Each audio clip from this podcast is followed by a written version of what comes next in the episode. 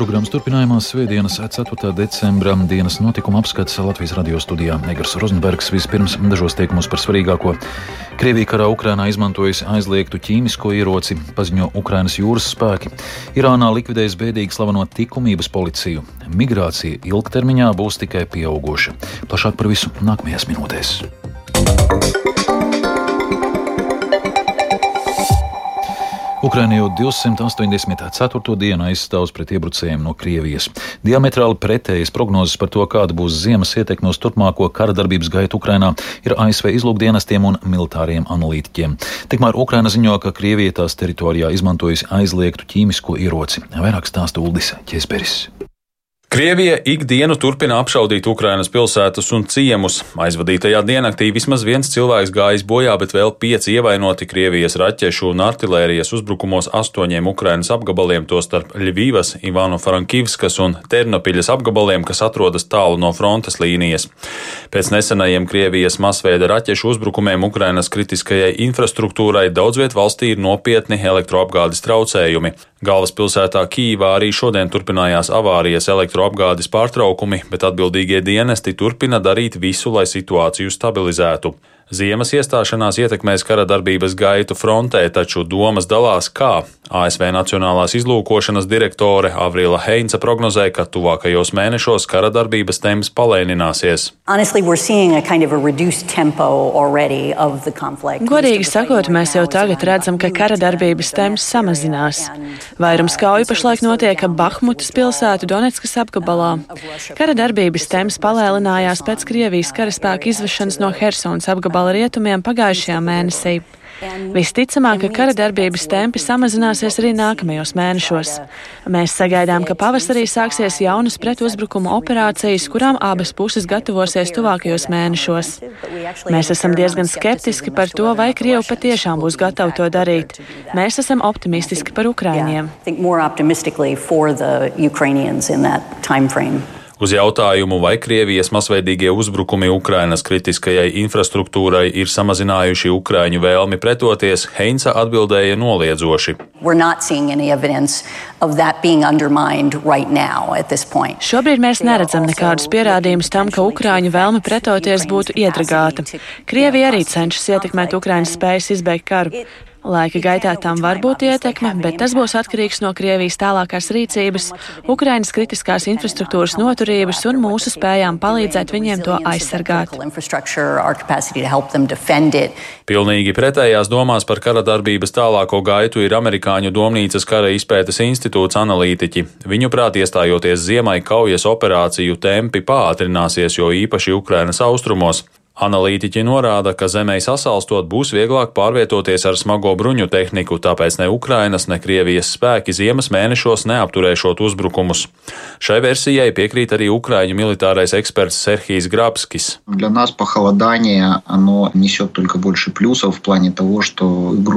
Mūsu spēkiem gaisa temperatūras pazemināšanās nesīs lielāku labumu, jo zemes virskārta sasals un varēs liederīgāk izmantot smago tehniku. Dubļā dīvainās un purvainās vietās pat tankiem ir diezgan sarežģīti pārvietoties. Nav pamata runāt par to, ka kara darbību uz kādu brīdi varētu atslābt. Tas vairāk attiecas uz Krievijas pusi, jo viņi šādam karam nebija gatavojušies, tāpēc Krievi centīsies noturēt aizsardzības līniju, nosūtot arvien vairāk un vairāk karaspēka daļu uz frontes sektoriem, kur Ukrainas spēku spiediens pastiprināsies. Arī Luhanskas apgabala kara administrācijas vadītājs Serhijs Haidais apstiprinājis, ka laikapstākļi ir labvēlīgi Ukrainas spēkiem Svatoves un Kreminas virzienā, kur norisinās aktīvas cīņas. Ukrainas jūras spēki šodien paziņoja, ka Krievijas karaspēks valsts austrumos pret ukraiņu karavīriem ir izmantojis padomju laikos ražotas gāzes granātas K-51, kas satur toksisku vielu chlorpikrīnu. Granātu K-51 izmantošanu aizliedz ANO ķīmisko ieroču konvencija. Ullis Česberis, Latvijas radio.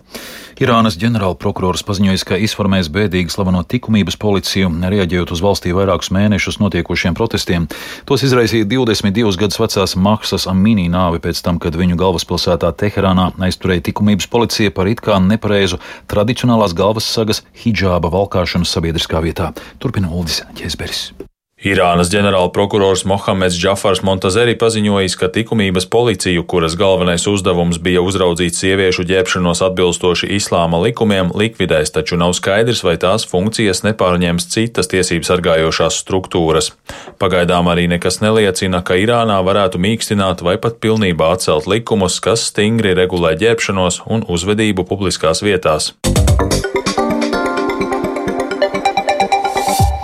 Pasaulē migrācijas spiediens ilgtermiņā tikai pieaugs, prognozēs Startautiskās migrācijas organizācijas pārstāvniecības Latvijas biroja vadītājs Ilmārs Mešs. Iekšliet ministrijas organizētajā diskusijā Mešs norādījis, ka migrantu pieplūdums var būt saistīts gan ar darba meklējumiem, gan klimata saku ietekmē. Tāpat teorētiski nevarot izslēgt, ka Krievijai zaudējot karā Ukrainā var rasties plašas migrantu plūsmas, turklāt Baltija var būt viena no pirmajiem virzieniem, kurā cilvēki varētu doties, uzskata Mešs. Migrācija ilgtermiņā būs tikai pieaugoša. Varbūt kāds gads būs mazliet uz leju, bet kopumā šis migrācijas eh, spiediens no visas pasaules būs tikai pieaugošs. Tur ir jāgatavojas uz, uz daudz lielāku pieaugumu. Jautājums, cik daudz tas būs tieši caur Baltijas reģionu, cik daudz eh, varbūt ierasto vidusjūras vai, vai citas. Latvija ir tik neliela pret Eiropas Savienības apjomiem, ka pat ja tas ir viens procents no Ukraiņu bēgļu tranzīta, vai vairāk mūsu gadījumā procenti, tas jau liek ļoti lielu slogu, pat ja viņi uzkavēs tikai dažas dienas.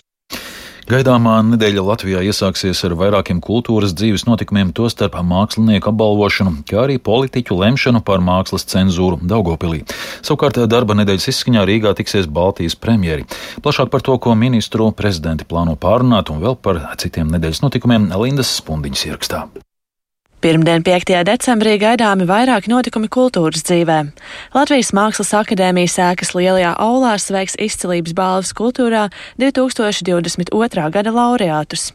Šogad apbalvojums par izciliem starptautiskiem sasniegumiem tiks pasniegts jau devīto reizi. Tāpat pirmdien būs zināmi šī gada lielā Kristapa balvas nominanti.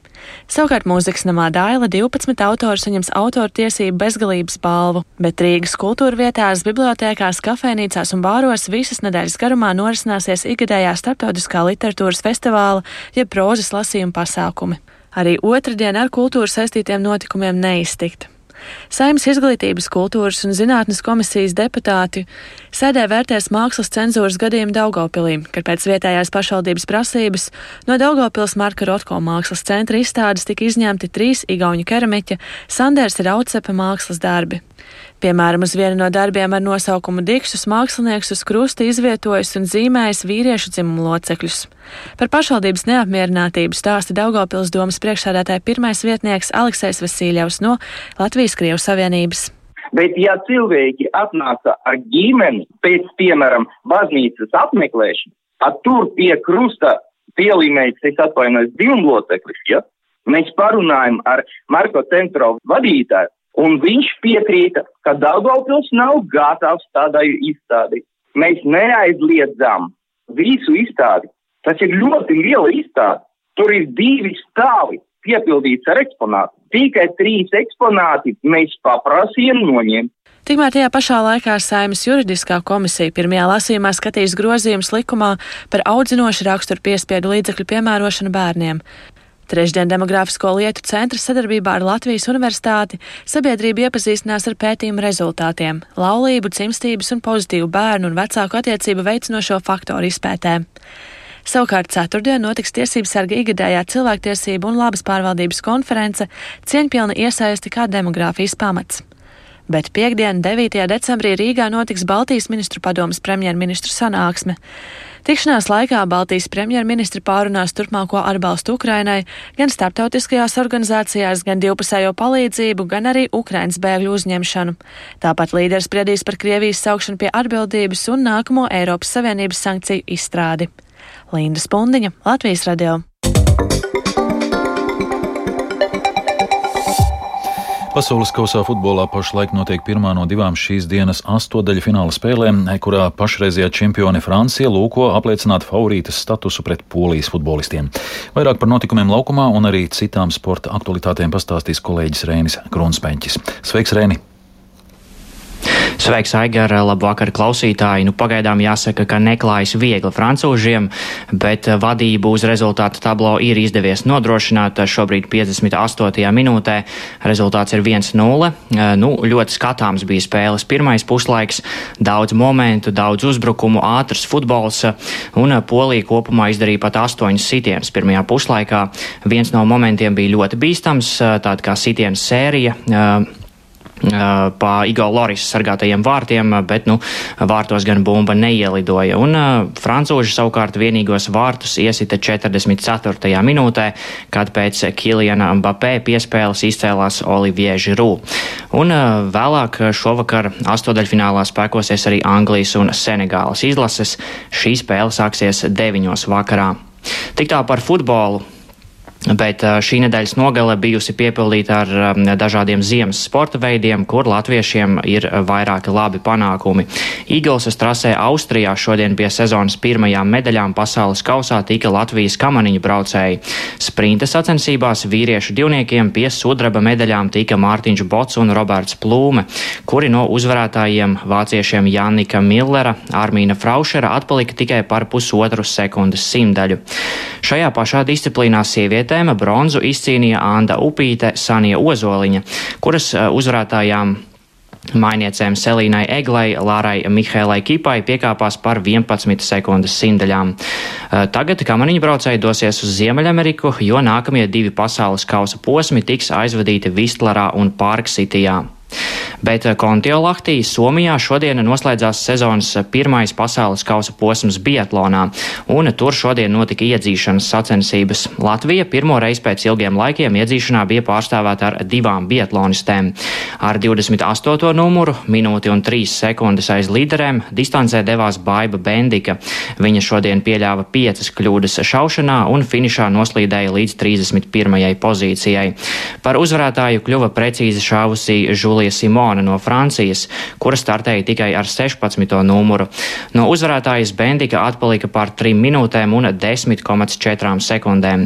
Savukārt Sanita Buliņa ar 7 soda apļiem no 50. starta pozīcijas finišā noslīdēja līdz 57. vietai. Bendika komentārā Latvijas radio pastāstīja, ka šodien trasē bija jutusi nogurumu. Klausāmies Baibu Bendiku.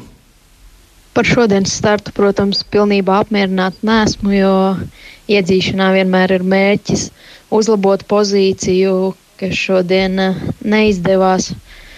Un kopumā, jā, pirmajā posmā šķiet šaušanā pagaidām nedaudz pietrūkst pārliecības. Ir, ir bijušas uh, dažas ļoti labas šaušanas, uh, varbūt kaut kur arī neveiksmes un ne, neizkrituši gabarīti. Uh, Tā kā ir šaušanā, pie kā vēl uh, strādāt, bet ir arī gana daudz ko paņemt labo. Jā, tālūk Baiba Bendika, bet eh, Latvijas labākajam eh, vīru biatlonistam Andrejam Rastargojevam šonedēļ vēl nācās startēt līmeni zemākajā IBU kausā. Rastargojevs šodien 10 km sprintā Zviedrijā kāpa uz goda piedestāla, finišēdams trešajā vietā. Viņš pieļāva tikai vienu kļūdu un par 22,2 sekundēm atpalika no uzvarētāja Endres Stremsheima no Norvēģijas. Rastargojevs eh, nesakrāto IBU kvalifikācijas punktu dēļ netika šonadēļ pielaists pasaules kausa pirmajam posmam, taču jau vakar vajadzīgos punktus nopelnīja un drīkstēs piedalīties nākamās nedēļas posmā Hohfilcenē, Austrijā. Un es noslēgumā vēl piebildīšu, ka futbolā rezultāts joprojām nav mainījies. 62. minūtē astodaļfinālā ar 1-0 vadībā ir Francija pār Poliju. Par sportu man pagaidām tas arī viss. Paldies, Reini! Dzirdējāt 4. decembra dienas notikumu apskatu producents Edgars Kupčs, par skanējumu rūpējās Mārtiņš Paeglis un Kaspars Groskops, studijā Egars Rozenbergs vēlreiz īsumā par svarīgāko.